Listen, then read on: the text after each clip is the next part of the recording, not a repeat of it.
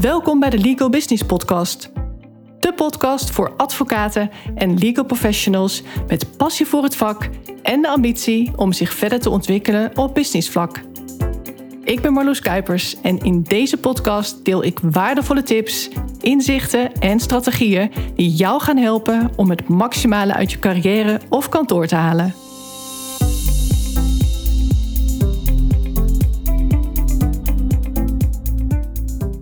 Er wordt vaak gezegd dat je vooral geen aannames moet doen. Neem nou dat Nivea-principe: niet invullen voor een ander. Daar ben ik het overigens volledig mee eens. Aannames leiden namelijk vaak tot overhaaste conclusies en daar gaat het mis. Dus niet zozeer door het doen van aannames. Want wat is dan precies een aanname? Daar moeten we denk ik beginnen. Een aanname is een beeld wat jij in je hoofd hebt gevormd over een bepaald iets. Dat kan een bepaalde situatie zijn, maar ook iets wat je gelooft over jezelf of over het leven. Het is dus een beeld wat in je hoofd zit, een gedachte die je hebt over een situatie, een gevoel wat je ergens over hebt, een veronderstelling of een uitgangspunt waar jij in jouw hoofd, oftewel in jouw denken, van uitgaat. Er is natuurlijk een verschil tussen feiten en aannames, maar ook weer niet zoveel als je misschien zou denken. Wikipedia zegt namelijk dit. Een feit is een gebeurtenis of omstandigheid waarvan de werkelijkheid vaststaat, doordat het ofwel zintuigelijk waargenomen kan worden, ofwel instrumenteel gemeten kan worden. Een feit moet met objectieve waarnemingen vastgesteld en getoetst kunnen worden. Echter, en nou komt het, het doen van de waarneming is subjectief en afhankelijk van persoonsgebonden factoren zoals perspectief, voorkeur, nauwkeurigheid, tijdigheid, compleetheid en omstandigheden. Dus feiten aan zich zijn minder feitelijk dan je zou denken. De waarneming is namelijk subjectief en dus afhankelijk van persoonsgebonden factoren. Als er duidelijke regels zijn, dan kun je natuurlijk vaststellen dat iets afwijkend is van de norm. Dat weten wij als juristen als geen ander. De wet is de norm. Neem nou een maximaal toegestane snelheid van 80 km per uur. Rijdt iemand vervolgens 100 km per uur, dan is dat aantoonbaar te hard. Duidelijk. Maar als we gaan kijken naar het dagelijks leven, op welke manier feiten, maar ook aannames een rol spelen in ons leven, zowel privé als op de werkvloer, dan blijkt dat het toch echt wat minder zwart-wit is. Want hoe kun je nou vaststellen of iemand sociaal genoeg is, of goed in zijn vel zit of niet? Hoe kun je weten of iemand wel optimaal presteert, of iemand echt zijn best doet? Hoe weet je of iemand het naar zijn zin heeft? En hoe weet je of iemand struggelt of niet? Dat weet je niet. Dat kun je niet feitelijk vaststellen. Iemands houding kan ook heel misleidend zijn. En hoe iets precies zit, dat weet je zelfs nog niet zeker als iemand jou iets vertelt. Want dat hoeft namelijk niet te kloppen. Het kan ook slechts de halve waarheid zijn. En dat hoeft niet eens bewust te zijn. Dus iemand hoeft niet per se te liegen. Iemand kan ook oprecht denken dat het wel goed gaat, of dat iemand echt maximale inzet heeft getoond. Hetzelfde geldt trouwens voor cliënten. Hoe weet je of de cliënt jou alles eerlijk vertelt? Hoe weet je of de wederpartij liegt? Ja of nee? En vooral in bepaalde niches is dat heel belangrijk. Het kunnen lezen van mensen. Jij moet als advocaat soms echt tussen de regels kunnen lezen. Jezelf een beeld vormen van de situatie. Want er zijn zoveel situaties denkbaar waarbij de feiten gewoon niet zo duidelijk zijn en je die zekerheid dus ook niet zomaar gaat krijgen. Het is juist dan heel helpend als je toch bepaalde aannames doet. Als advocaat, in je rol als leider in het juridische proces, maar ook als leidinggevende binnen een team, omdat je nou eenmaal waarneemt wat er om je heen gebeurt. Dat hoop ik althans. Het doen van aannames gebeurt dan eigenlijk automatisch. Je denkt dan dingen als: Volgens mij is Simon een beetje overwerkt. Of Sophie lijkt toch wat afwezig de laatste tijd. Zou het wel goed gaan met haar? Allemaal aannames, een waarneming, een beeld wat je vormt van wat je om je heen ziet gebeuren. En dat is maar goed ook, want dat maakt je scherp en alert. Als je empathisch bent, dan gaan jouw dingen opvallen. Dus als je leidinggevende bent, dan is dit ook een hele waardevolle skill. Waarnemen wat er in jouw team gebeurt. En ja, dus ook bepaalde aannames doen. Maar en nu komt het grote verschil tussen de negatieve betekenis van het doen van aannames en de positieve betekenis waar ik op doel. Je moet geen overhaaste conclusies trekken. Aannames moeten geen vaste overtuigingen worden. Het is belangrijk om je ervan bewust te zijn dat een aanname slechts een voorlopig uitgangspunt is, totdat je meer informatie hebt en je je overtuiging op die feiten kunt baseren. Jouw aannames moeten aanleiding zijn om met een persoon het gesprek aan te gaan. Alleen zo kom je dingen te weten die je anders niet te weten zou komen. En je helpt die ander vaak ook door juist subtiel spiegel voor te houden of door een balletje op te gooien. En soms zijn aannames helemaal niet zwaar, maar juist heel luchtig en dat kan ook gewoon heel positief zijn. Want je zou bijvoorbeeld tegen een medewerker kunnen zeggen: Er heeft zich net een nieuwe cliënt gemeld met een heel interessante zaak. Volgens mij is dit echt iets voor jou. Of jij bent juist diegene tegen wie dit wordt gezegd, dan zou je daar echt niet het gevoel bij hebben. Nou, al die aannames ook altijd. Nee, je zou het gewoon opvatten als een compliment. En zo is het ook bedoeld. Het is een aanname, maar een positieve. En daarom wordt dat in de regel niet gezien als een aanname. Vaak worden aannames standaard in die negatieve categorie geplaatst en dat is onterecht. Ik denk dat we aannames ook gewoon nodig hebben, omdat we niet altijd alle feiten kunnen weten. Als je daarop zou moeten wachten, dan zouden we nooit tot een keuze komen en ook nooit in actie komen. Dus vullen we maar in wat we nog niet weten. Vaak het meest aannemelijke scenario. Het is daarbij wel heel belangrijk dat je je ervan bewust bent dat het een invulling is, een voorlopig uitgangspunt, totdat je dus meer informatie hebt en je je overtuiging op de feiten kunt baseren. Wellicht maak je dan andere keuzes of ga je je mening bijsturen. Dat is ook prima. Het gaat je pas in de weg zitten, het doen van aannames, als je niet meer doorhebt dat het om een aanname gaat.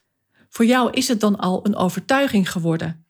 Als ik naar mezelf kijk, dan doe ik in mijn rol als coach ook best veel aannames. Ik zou zelfs niet weten hoe ik zonder zou kunnen.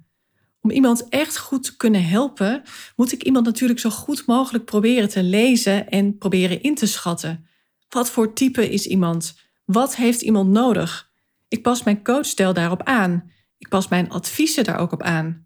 De een heeft veel meer support en aanmoediging nodig en de ander die moet ik juist wat strenger toespreken.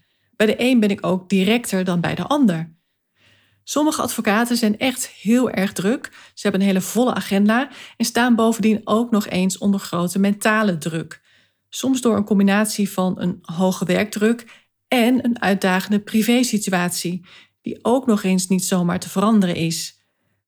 Maar er zijn ook advocaten die ik coach die zichzelf vooral druk maken.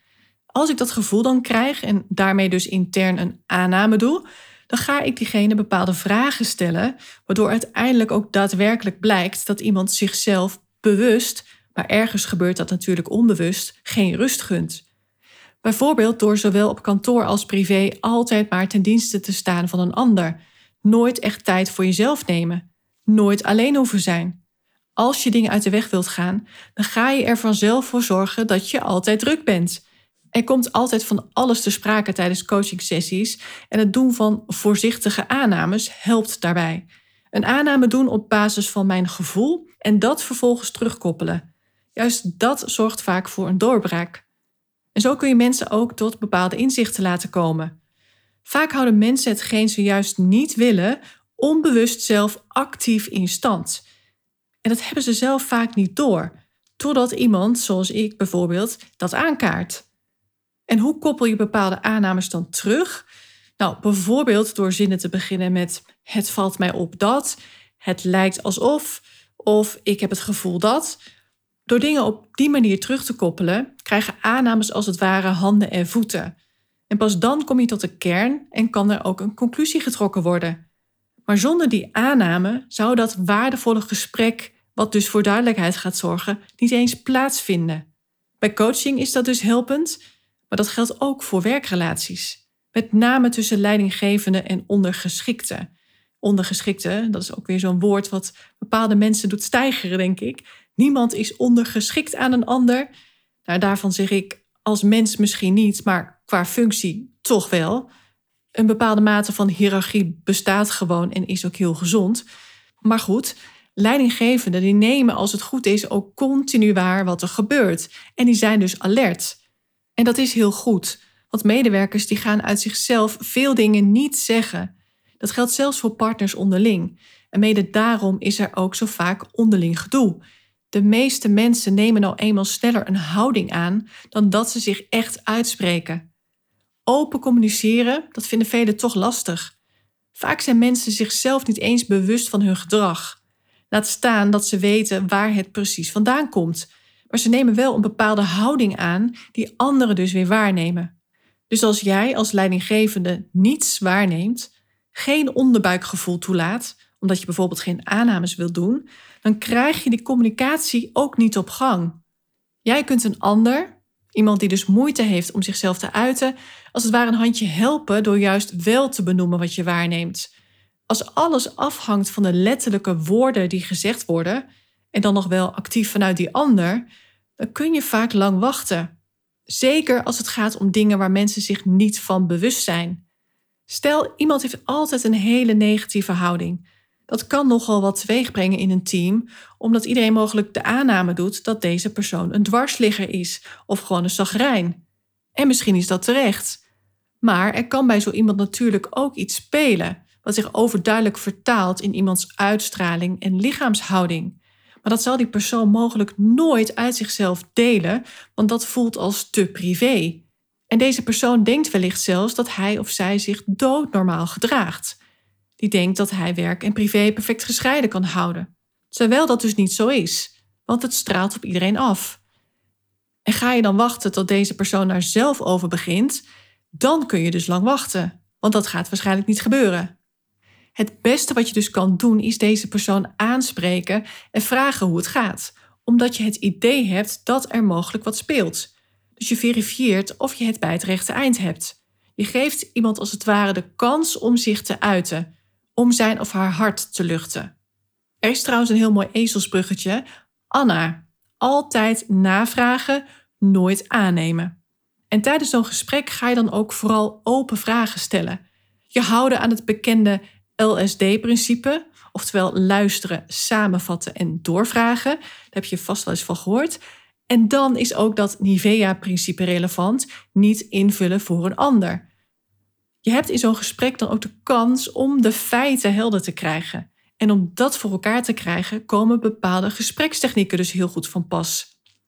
Want communicatie, en vooral hoe je mensen benadert of hoe je iemand ergens op aanspreekt, dat vinden velen toch lastig. En ik merk dat ook bij de advocaten die ik coach. En dan vooral als het gaat om senior advocaten of partners, die dus in een leidinggevende rol zitten, dat het heel veel energie kost. Naast het toch al zeer intensieve juridische vak, moet je ook nog oog hebben voor anderen. En als gevolg daarvan ga je automatisch bepaalde dingen waarnemen en dus aannames doen. Maar vervolgens weet je weer niet wat je daar nou eigenlijk mee moet doen. Over communicatie wordt ook zoveel gezegd dat het vaak weer heel complex gemaakt wordt. Zeker in een tijd waarin veel mensen toch snel beledigd zijn. Hoe ga je iemand dan ergens op aanspreken? Functioneringsgesprekken en beoordelingsgesprekken, dat zijn ook alweer termen geworden die niet door de keuring komen, want het klinkt niet zoetsappig genoeg.